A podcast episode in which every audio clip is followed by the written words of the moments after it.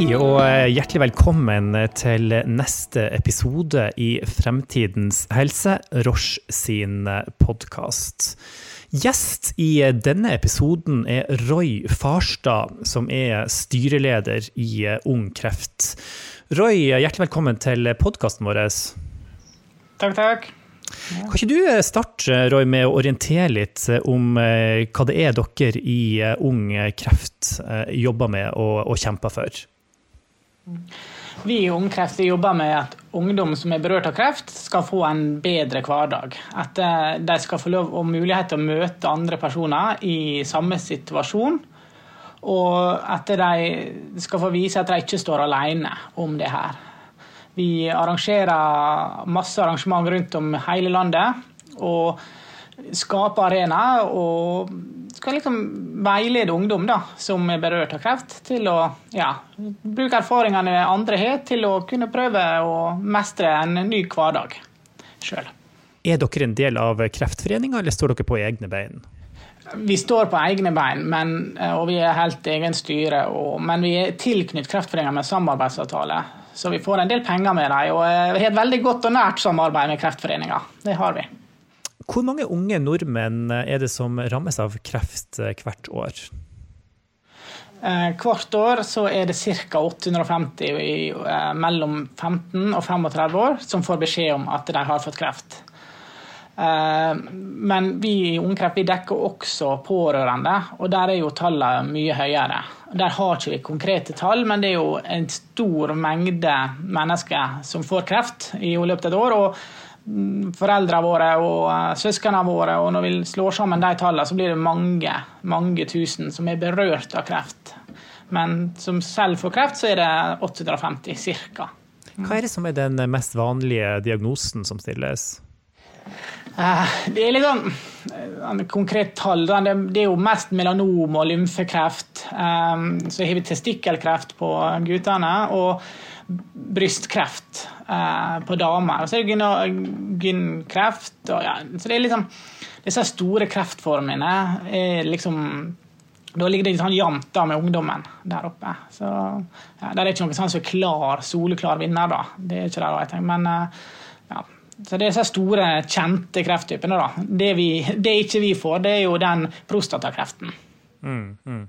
Du Roy, du har også en, en, en personlig historie å, å, fortelle her. Hvis vi går tilbake til, til, til, da du var 15 år gammel, hva var det som, som skjedde da? Nei, jeg fikk jo påvist en sjelden krefttype i skjoldbruskkjertelen. En, en arvelig krefttype som jeg har fått. Um, og ble operert i 2000 for første gang. Og tok ut skjoldbruskkjertel. Og har da sier også fått vite at det er jo en kronisk kreftdiagnose. En diagnose jeg må leve med. Som jeg er på kontroller ganske ofte og sjekker kreftverdiene. og ja, da når kreftverdien er høy, så må jeg da operere ut svulster og finne svulstene. Um, og per nå så er jo ikke det noe annen behandling enn kirurgi da, på den typen kreft jeg har. Så, så jeg, var, jeg, blir jo en del av helsevesenet hele livet. Så følger jo, prøver jo å leve jo helt normalt egentlig også med den diagnosen jeg har. Så jeg har et veldig, veldig godt liv. Du nevnte at det var en arvelig kreftform som du ble ramma av. Var du på noen måte forberedt på hva som kunne komme da du var 15, eller var dette et, et, et stort sjokk? Hvordan var, hvordan var, dette for deg? Ja, nei, Vi var ikke forberedt i det hele tatt. For det var jo det var jo på den tida der de begynte å finne ut dette med genetiske arvelige sykdommer. og Det var jo veldig fremmed. og Det er jo, det er jo allerede 20 år siden, og det er jo, det er jo lenge siden. Um, og du satt ikke og googla eller noe på den tida, samme måte som vi gjør i dag. Så det var veldig ukjent, og vi gikk til noe vi ikke helt visste. Og jeg var jo ikke syk, jeg var jo helt frisk. Når jeg gikk inn på sykehuset tok den blodprøven og levde et helt normalt, vanlig liv. Og du kommer ut fra sykehuset med en kreftdiagnose. Så, og det du forbinder med kreften, det er jo at du mister håret, og at noen dør av det. Og det var jo det inntrykket du satt med det. da. Så vi skulle jo til på en veldig ukjent reise da, av å bli kjent med noe helt nytt nå. Så det var jo spesielt. Det var det. Hvordan, hvordan opplevde du dette i, i, i, vennegjengen og i skoleklassen og sånt? Som du sier, altså, det er jo ikke dette man forventer som, som, som 15-åring. Nei, nå fikk jeg det på et litt sånn kunstig tidspunkt, for jeg skulle jo begynne på videregående. Så, så jeg begynte jo på videregående. Da var jo jeg liksom, Det var da alt starta, så jeg skulle liksom begynne livet på nytt på en måte uansett. Så det, sånn sett passer det egentlig veldig bra.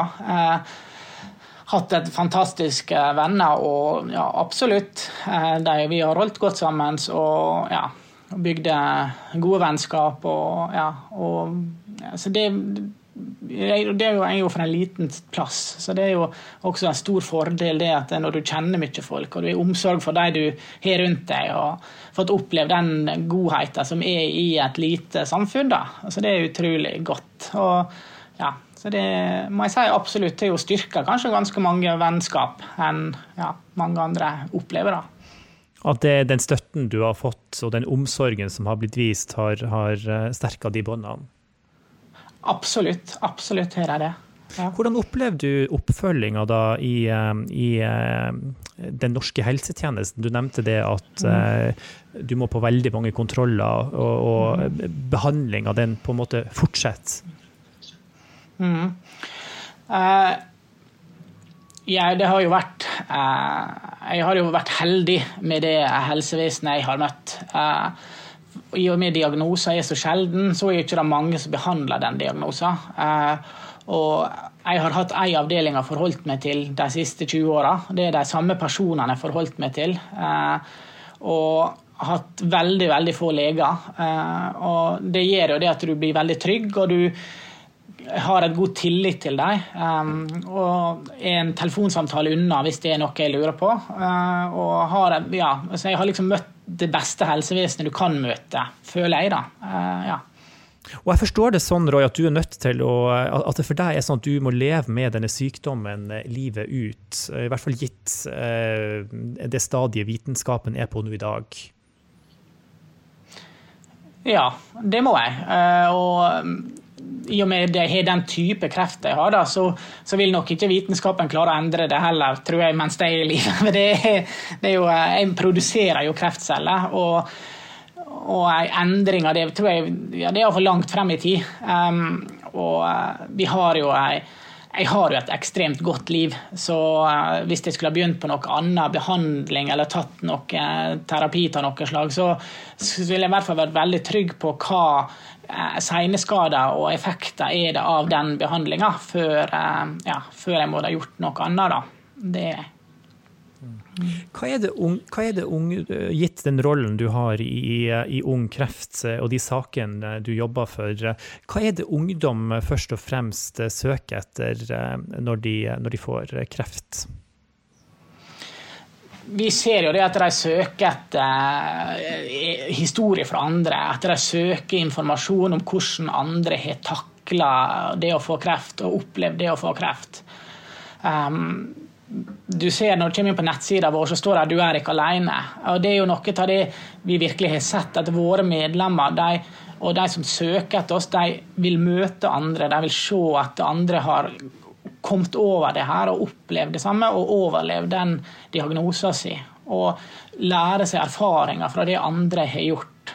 Hvordan andre takler det, og hvordan de nå kan ta det videre i sin diagnose og sin sykdomshistorie. Så dette med likepersonsarbeid er helt essensielt? Ja, og det er jo alt vi driver på med, er jo likepersonsarbeid. Det er jo det, det at du skal møte noen som har opplevd no, og det å få en kreftdiagnose nært på kroppen. da. Det er det du møter med oss. Og du opplever at folk er villige til å, å dele av, av, sine erfaringer, i hvert fall de som på en måte er i stand til det? Ja, absolutt. Jeg er helt uh, overvelda over hva folk faktisk er villige til å dele for å hjelpe andre. Uh, vi har jo en sånn Snapchat takeover, og det, for, da slipper de folk ganske nært innpå seg. Uh, og vi får følge ungdommene, og de deler historiene sine. og de trøster hverandre og hjelper hverandre så utrolig godt gjennom de kanalene vi har. Så det er fantastisk å se eh, hvordan de sammen står om dette. Altså. Så godt å høre. Generelt der ute, da, er informasjonen som finnes godt nok tilpassa ungdom som havner i en såpass krevende situasjon? Nei, vi mener vel at den ikke er god nok. Informasjon kan hende er god, men den er ikke god nok. og eh, den burde vært mer tilrettelagt for ungdom, eh, og spesielt alder. Og, det skjer som, og spesielt det som skjer rundt en kreftdiagnose. Ikke etter det med livet ditt også. At eh, ja, du får en behandling, og du får en viss type behandling. Og den informasjonen forstår jeg er noenlunde grei. Men så er det alt det andre rundt det. Det med hvordan du skal forholde deg til venner, hvordan du skal snakke med arbeidsgiver om dette her. Ja.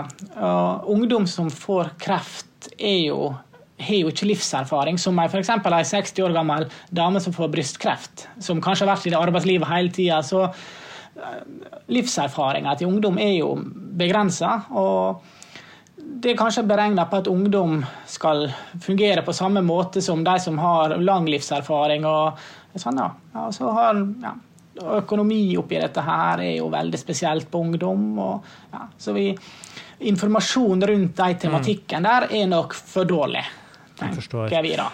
Helseministeren eh, her i landet, Bent Høie, han eh, snakka jo om eh, pasientens helsetjeneste. Hvor reelt er det egentlig? Altså, sånn som du opplevde, har pasienter reell innflytelse, eller er dette mer et slagord? Um, ja, det, var, det, er et stort spørsmål. Men eh, ja, de har jo en, Pasientene begynner på en reell innflytelse. Det føler jeg de, de begynner å få. men men samtidig er det det med behandlinga. og sånt. Da er jo det forskninga, og du får jo den behandlinga som forskninga viser er best. og legene gjør, sånn, legene gjør, jo sitt beste for å få en pasient frisk. Eh, og, eller at de skal få et så godt liv som overhodet mulig. Um, så ja, både ja og nei, vil jeg da si. At det er et slagord som ja, eh, Jeg syns helsevesenet bør ta tak i hele personen på en bedre måte enn bare en diagnose. Jeg tror vi kunne ha tjent mye på det. Og da tenker du mer på altså, den helhetlige sykdomsoppfatningen. Hva, hva mener du? Ja, den helhetlige personen, da. At vi tar vare på de pårørende rundt, bygge um, ja, det å få et syke, eh, ungdomsvennlig sykehus som da klarer å tilrettelegge enklere for det med sosionomtjeneste, det å veilede folk i de ulike arbeid, bygge opp igjen rehabiliteringa og ja, tenke mer helhetlig menneske. Da. Og da, der tror jeg kanskje en pasient har mer å komme med i den helhetlige tankegangen da, det med at, med et eh, pasientvennlig eller styrt helsevesen også, da. Brukervennlig helsevesen. Jeg forstår. Eh, du, Roy, For noen uker siden så, så snakka jeg med bl.a. Lotta Våde i, i Kreftkompasset, som kunne fortelle det at uh, i forbindelse med, med, koronakrisen så har enkelte uh, kreftpasienter uh, kjent på litt usikkerhet og, og utrygghet, og opplevd en helsetjeneste som de ikke helt har visst hvordan de skulle orientere seg, gitt de utfordringene vi har stått overfor. Mm. Kan du dele noen av, av, dine erfaringer og hva du har hørt fra deres medlemmer? Når det gjelder eh, denne pandemien? Ja. Eh, mange opplever jo en veldig usikkerhet med smittefarer og hvor, hvor, om de tåler å bli smitta. Det er jo det som er det store spørsmålet. Hvordan vil en smitte påvirke den enkelte som er syk? Og ikke minst hvordan vil det påvirke pårørende? Liksom hvis en 20 år gammel eh, tar med seg smitte hjem til sin mor som hadde kreft for to år siden, hvordan vil det gå? Eh, og vi merker en stor pågang der på usikkerheten rundt det. Hva er det som er reelt, og hva, hva, er regler er det som gjelder der? Uh, og så har jo vi snakka med en leger, og det, sier det er jo da mye samme forhåndsreglene som gjelder for en uh, kreftpasient og, som for resten av samfunnet. Det med håndhygiene og bruke de vanlige smittevernreglene som gjelder for hele samfunnet. Og så ser vi at de som er under aktiv behandling, spesielt de med cellegift, de må være litt mer obs være litt mer påpasselige enn andre. Men, men, samtidig er jo den gruppa der også veldig påpasselig til vanlig. Det er jo ei gruppe som skal passe seg for ei vanlig influense også, f.eks. Så, ja, eh, så vi veit vel ikke helt hvordan, hvordan det påvirker en pasient, men eh, det ser ut som folk begynner å bli litt mer tryggere nå da, og slappe litt mer av og bli litt, bli litt vant med situasjonen du er i også. Mm. Og, men, men, jeg tror nok det er mange kreftpasienter som har isolert seg mye i det siste. Hvordan har det tatt på, det å måtte isolere seg? Nei, og det er jo vanskelig å si hvordan det påvirker den enkelte, men han vet jo det at når du isolerer deg, så du går jo med nerver som påvirker deg negativt. og Eh, det er kanskje litt vanskelig å, å, å, se hvordan den virkelige verden er. Du ser mye nyheter. Alt er jo negativt i nyhetene. Det er ikke én positiv nyhet. Alt er korona. Så du, du, på en måte, Det kan gå litt hardt i den bobla og, og skape kanskje negative konsekvenser psykisk spesielt. Og også fysisk, hvis du ikke går ut og lufter deg og får frisk luft og går en tur, liksom, så, påvirker jo det også kroppen negativt. Så, mm. ja, så det er jo ja. Men hva tenker du generelt om disse ganske strenge tiltakene som uh, har vært iverksatt i Norge? Enkelte av disse er jo i ferd med å oppheves uh, nå. Men man har snakka om en uh, nasjonal dugnad, nærmest. Og det kan i hvert fall fremstå som at folk har blitt flinkere både til å vaske hender og til å holde avstand. Um, hvordan har du opplevd denne tida vi har vært i, med såpass strenge tiltak faktisk i hele samfunnet vårt? Nei, det er jo veldig Det er jo, det er jo eh, veldig spesielt. Det er, jo, eh, det, er jo, det er jo, nærmest vi opplever krig. har jeg tenkt. Der vet vi, vi blir forhindret til å delta i sosiale arrangement og være veldig låst sånn. da. Eh, men det ser jo ut som at det har vært riktig. og at, at det har vært viktig for å bygge opp et godt helsevesen og få rigga helsevesenet til denne pandemien som kom litt brått og litt raskt i forhold til hva som var forventa. Og vi er på en måte skapt selv om det har vært tungt da, og vanskelig å være sånn, så låst, så har det vært viktig for å, få, for å bygge opp helsevesenet og for å på en måte lære opp befolkninga i dette. her. Og nå skal jeg, Når jeg åpner opp igjen, så har jo vi på en måte bygd et nytt samfunn som er mer klar til å ta imot kanskje en økning i pandemien. og vi har liksom, så For en kreftpasient så er jo det som har skjedd nå, veldig positivt. Med at eh, Nå har vi fått rigga et helsevesen, nå har vi fått lært veldig mye mer om hva er denne pandemien. Og, så nå tåler liksom helsevesenet mer trykk, da. Og nå kan de på en måte klare å ha et helsevesen utenom det kollapser helt, da, selv om vi får en ganske stor økning i smitta, slik jeg har skjønt det. Så du tenker også det at man eh, også her potensielt eh, vil være bedre rusta til å møte en, en fremtidig helsetrussel, f.eks.? Ja, jeg, jeg, tror jo det. Nå er jo dette min mening, sånn. nå er det hva jeg mener. Men ja, eh, oppfatninga mi er jo det. At nå har vi liksom fått opplevd litt sånn Ja, opplevd noe nytt. og Vi har fått liksom stått overfor en skikkelig trussel i Norge, og det har vi ikke gjort på en måte. Sånn på samme måte. Det var kanskje, det var kanskje 22. juli, da det var de første timene når vi ikke visste noe der heller. Men der ble jo ting avklart ganske fort på hva dette her var, og det ja, er viktig. Du, Du, du, jobber jo for å være med på å løfte helsetjenesten, for å, å, å, løfte kreftomsorgen. Det er noe du holder på med fra, fra tidlig til sent, så å si hver eneste dag. Kan ikke du helt avslutningsvis fortelle litt om hva som er dine største visjoner for eh, fremtidens helse? Ja.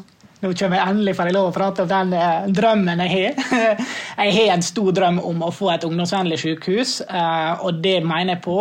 Vi får ved å ha ungdomskoordinatorer på sykehus. Eh, en ungdomskoordinator skal jobbe med ungdom som kommer inn på sykehus som opplever en alvorlig sykdom og som skal snakke med alle ungdommer og møte dem på en god måte. Og skape rom for samtaler og skape rom for sosiale arenaer for ungdom på sykehus. Eh, og jeg er veldig opptatt av også de pårørende inni det her. for det det er tøft å være ungdom eh, og ha kanskje en mor som har brystkreft, men det er også tøft for en ungdom som kanskje har en far i en bilulykke. Um, og det å få den samtalen og det å få møte folk. Eh, og, og bli sett som både pasient og som pårørende, det tror jeg er ekstremt viktig. Og Da tror jeg også du kunne ha løst eh, ganske mange problemer som kommer i etterkant av en sykdomsdiagnose og en sykdomshistorikk. Da. Så Det er drømmen min, det er å få ungdomskoordinatorer på sykehus. Er det en drøm som du tror er veldig langt fram i tid, eller? Eh? Nei, den tror jeg er ganske eh, Rikshospitalet i København har jo det. Um, og den fungerer jo. Det er jo en fantastisk person som er der. Og jeg har sett henne i sving, og jeg har møtt ungdommene som hun møter. og det er, um, ja, det er, fantastisk å se hvordan sykehus og en vanskelig tid i livet ditt har blitt noe på en måte litt sosial klubb og en, en, en, en uh, murstein. Liksom, at du har noe du og, en rot å, å holde deg i. da, At det her er noe trygt i en vanskelig tid. Der det er lov å le, det er lov å grine, og alt er bare deilig. på en måte på selv. Det høres helt rart ut, men ja, sånn er det. Så dette er noe som du har sett at er mulig å få til i praksis, forstår jeg? Ja, det er det. Og uh, jeg tenker jo kanskje litt større enn Rikshospitalet i Danmark, som da har bare for kreftpasienten. Jeg tenker jo det er mange flere diagnoser, og ja, eh, det er en mye større muligheter da, til å bygge noe stort. Til å få det til å ja, For å tenke hele mennesket, da. Nettopp. Det høres absolutt ut som et eh, strålende konsept. Roy, tusen hjertelig takk for en eh, god samtale, og masse mm. lykke til videre med det viktige arbeidet som du eh, og dine kolleger gjør. I neste episode av Fremtidens helse skal vi snakke med Bård Ludvig Thorheim. Han er tidligere politisk rådgiver for utenriksminister Brende og Søreide. Her skal vi diskutere krisehåndtering, og hvorfor Bård oppfordrer politikerne til ikke å forhaste seg med koronaevalueringa. Vi høres.